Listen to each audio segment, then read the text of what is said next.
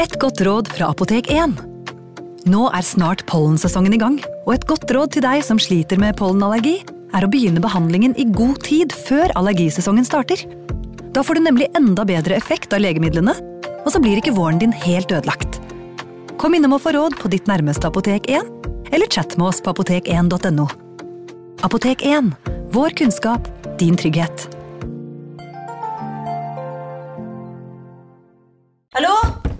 Oslo politikammer.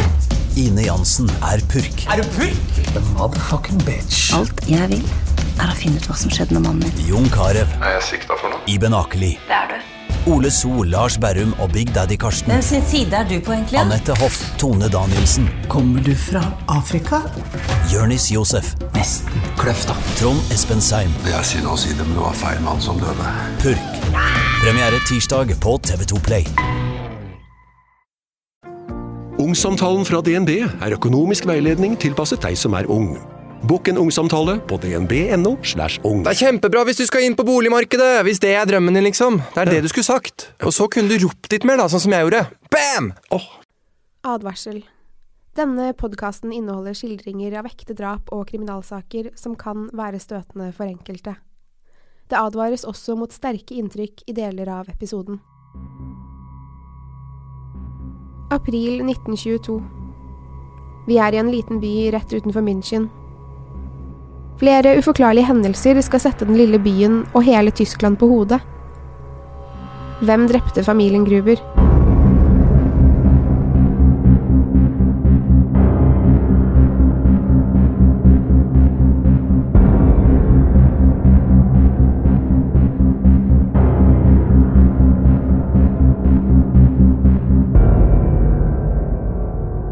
Hinterkaifeck betyr egentlig ingenting, men er en beskrivelse av stedet for hendelsene jeg nå skal fortelle om. Et slags kallenavn, om du vil. Det hele utspant seg i Kaifek i Tyskland, ikke så langt fra München. Året er 1922, og stedet er en avsidesliggende gård ved et skogholt. Stedet var et lite bondesamfunn med gårder og en liten vei. Naboene hadde gode og vennskapelige forhold. Det skjedde nesten aldri noe i Kaifek. Familier levde fredelig der i generasjoner uten noen større hendelser. Likevel verserte det etter hvert alvorlige rykter om hva som foregikk på en av gårdene. Det er denne gården som senere skulle være åsted for et av Tysklands største kriminalmysterier. På gården i Hinterkaifek bodde familien Gruber. Far Andreas og mor Cecilia, deres datter Victoria, som for ordens skyld var enke, og hennes to barn Cecilia og Josef på syv og to år. I alt fem personer, i tillegg til tjenestepiken Maria Baumgartner. Gården var en helt vanlig gård med kyr og høns. Familien Gruber var ikke spesielt rike, men de hadde så de klarte seg. Faren i huset, Andreas Gruber, hadde et godt forhold til naboene, som han ofte konverserte med om løst og fast. Selv om naboene var gode venner, gikk det lenge rykter om at Andreas Gruber hadde et incestuøst forhold med datteren Victoria. Ryktene ble snakket om i byen og rundt om på gårdene. Flere hadde stusset over faren og datterens nære forhold. En mann som innimellom jobbet på gården, hadde gått inn på låven og sett Andreas og Victoria i en upassende seksuell sammenheng, som han meldte fra om til politiet. Anmeldelsen ble til rettssak, og flere vitner fortalte at de også hadde sett eller hørt Andreas og Victoria hadde et seksuelt forhold. Noen hadde sett dem i engen ved gården, og klassevenninner av Victoria mente hun hadde innrømmet sex med faren sin. Rettssaken endte med at Andreas Gruber ble dømt for incest. Det samme ble datteren. De sonet begge en kort periode i fengsel for dette. Etter incestsaken flyttet Victoria hjemmefra. Hun giftet seg med soldaten Carl Gabriel i 1914 og ble raskt gravid med han. Carl døde i strid, under mystiske omstendigheter, rett før datteren Cecilia ble født. Victoria fikk et kondolansebrev med dødsbudskapet fra hærsjefen. Likevel hadde ingen av de andre soldatene sett Carl dø, og liket ble heller aldri funnet. Siden Victoria hadde blitt enke og nybakt mor i løpet av få måneder, valgte hun å flytte hjem til foreldrenes gård igjen. Victoria innledet et ikke-ekteskapelig forhold med en annen mann i bygda, Lorentz. Et forhold som raskt ble problematisk ettersom han hadde alkohol- og aggresjonsproblemer. Forholdet var av og på, mye grunnet Lorentz' sjalusi og voldsomme utbrudd. Etter hvert ble Victoria gravid igjen, denne gangen med lille Josef. Ryktene i bygda begynte å spinne. Var Andreas faren til Victorias sønn? Etter fødselen gjorde Victoria det slutt med Lorentz, som hun fortsatt hadde et forhold til, for å leve på familiegården med sine to barn. Lorentz var åpenbart sjalu og oppsøkte henne ofte. Noen ganger ble politiet tilkalt, andre ganger dro han av seg selv. Selv om familien Gruber hadde vært hovedpersonene i bygdas rykter, gikk livet sin vante gang. Victoria sang i kirkekoret, datteren Cecilia gikk på skolen, og foreldrene jobbet med dyrene på gården. Plutselig begynte merkelige ting å skje i Hinterkaifek. Flere netter på rad hadde kuene som vanligvis var inne på låven om natten, blitt sluppet ut på jordet. Andreas trodde det bare var guttestreker, men da det skjedde igjen og igjen, begynte han å bli irritert. En dag fortalte Andreas til bonden på nabogården om at kuene var sluppet ut, men også at han hadde lagt merke til fotspor som gikk fra skogholtet og inn i låven hans. Det merkelige var at det ikke fantes fotspor ut igjen. Andreas var redd han hadde fått tyve på gården, siden det kunne se ut som om noen hadde gått inn i låven, men ikke kommet ut igjen. Dette bekymret han, ifølge naboen. Andreas Gruber hadde sjekket låven flere ganger, men ikke funnet noen der inne. Han hadde også i den siste tiden hørt skritt, som om noen gikk på loftet over huset de bodde i. Datteren Victoria og hennes barn hadde hørt det, de òg. De små hadde blitt engstelige, og Andreas hadde sett seg nødt til å sjekke loftet også. Heller ikke her fant han tegn på at noen oppholdt seg der. Naboen var enig i at det kunne være en tyv, eller kanskje en stakkar som søkte ly for noen dager, men tenkte ikke noe mer over det før Andreas igjen nevnte de merkelige hendelsene på gården ved en annen anledning. Det hele begynner å bli litt skummelt, hadde Andreas sagt, og fortalte at et nøkkelknippe til husene på gården var forsvunnet. Han hadde også funnet en ukjent avis på låven. En avis ingen i familien hadde kjøpt. Et forsvunnet nøkkelknipe kyr som ble sluppet ut om natten, fotspor i snøen og skritt på loftet. Hver for seg var kanskje ikke dette noe å bekymre seg over. Men da Andreas la hendelsene sammen og hadde i bakhodet det som skjedde med den forrige tjenestepiken, begynte han å bli redd. Den forrige tjenestepiken hadde nemlig helt plutselig sluttet på dagen seks måneder tidligere. Tjenestepiken hadde klaget på at det spøkte på gården, og turte rett og slett ikke være der mer. Andreas trøstet seg den gang med at gamle hus lagde lyder. Etter de siste ukers merkelige hendelser var han ikke så sikker lenger. 4. april 1922 Postmannen går sin vante rute mellom gårdene i Kaifek. Han har lagt merke til at familien Grubers post og aviser ikke er tatt inn på flere dager. Når han tenker etter, har han sett både lys i vinduene og røyk fra pipen, og konkluderer med sikkert bare har glemt det. Han synes likevel det er merkelig. Så merkelig at han nevner det for flere av naboene. Ingen har sett familien Gruber på flere dager. Cecilia har ikke møtt på skolen, og moren deres Victoria møtte aldri til korøvingen i kirken noen dager tidligere.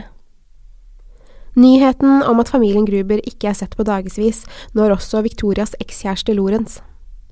Han blir bekymret og samler flere personer, deriblant naboer, som bestemmer seg for å dra til gården for å sjekke om alt er i orden. De finner ingen i hovedhuset. Likevel ser det ut som om noen har vært der nylig. Det er både laget og spist mat der. Fyr i peisen var det også. Plutselig ropes det fra låven. Familien er funnet. I låven ligger flere fra familien Gruber. Alle er døde. De er slått i hjel og forsøkt gjemt, dekket med høy. Ingen av dem har forsvarsskader, bare slag mot hodet fra noe som kan ligne en øks eller en ishakke. Tjenestepiken og den yngste av barna, Josef, er ikke i låven.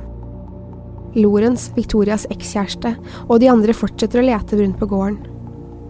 Til slutt finner en av mennene tjenestepiken Maria drept i andre etasje på hovedhuset. To år gamle Josef ligger drept i barnevognen sin. Politiet kom til gården og konstaterte at de sto ovenfor et grufullt drap. Istedenfor å frakte likene inn til byens politikammer, bestemte de seg for at rettsmedisineren skulle utføre obduksjonen av de ihjelslåtte kroppene inne i låven, og sånn ble det. Skadene på familien Gruber var omfattende. Her er det obduksjonsrapporten viste. Cecilia Gabriel, syv år. Store hodeskader. Skalle knust på flere steder. Tverrgående og gapende sår på hals og nakke.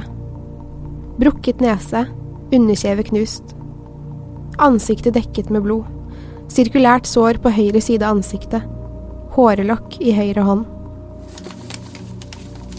Cecilia Gruber, 73 år. Ansiktet knust, særlig i høyre side ved øyet. Syv kraftige slag mot hodet som resulterte i store sår og hjernekontusjon, som betyr hjerneknusning. Victoria Gabriel, 35 år. Ni slagskader i hoderegionen. Kvelemerker på nakke og hals. Ikke gravid. Høyre side av ansiktet var mest skadet.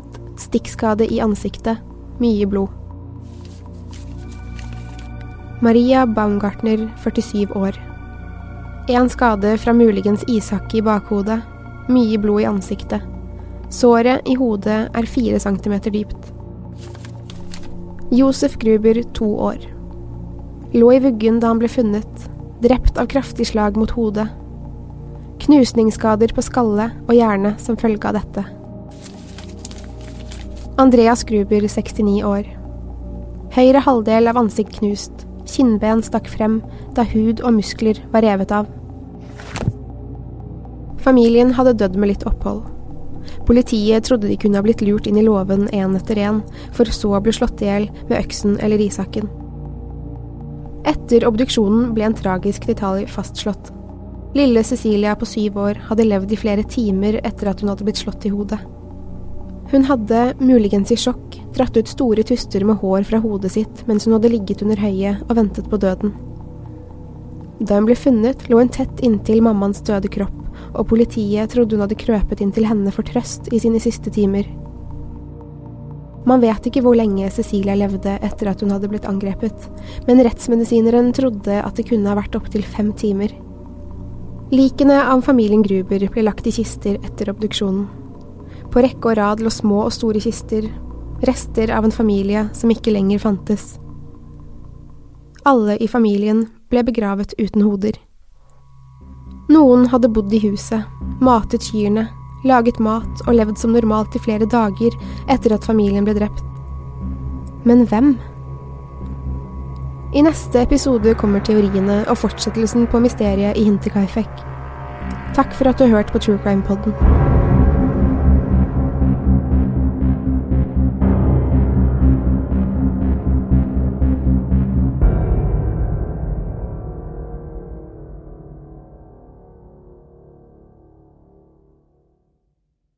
Har du et enkeltpersonforetak eller en liten bedrift?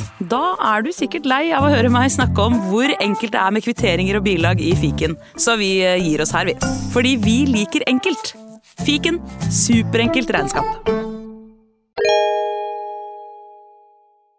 Hei! Takk for at du lytter til True Crime Podden.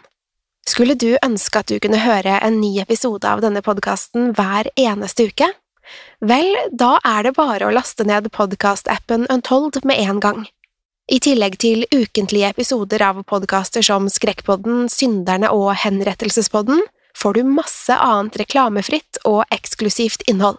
Last ned Untold i AppStore eller Google Play, og start din 30 dagers prøveperiode i dag.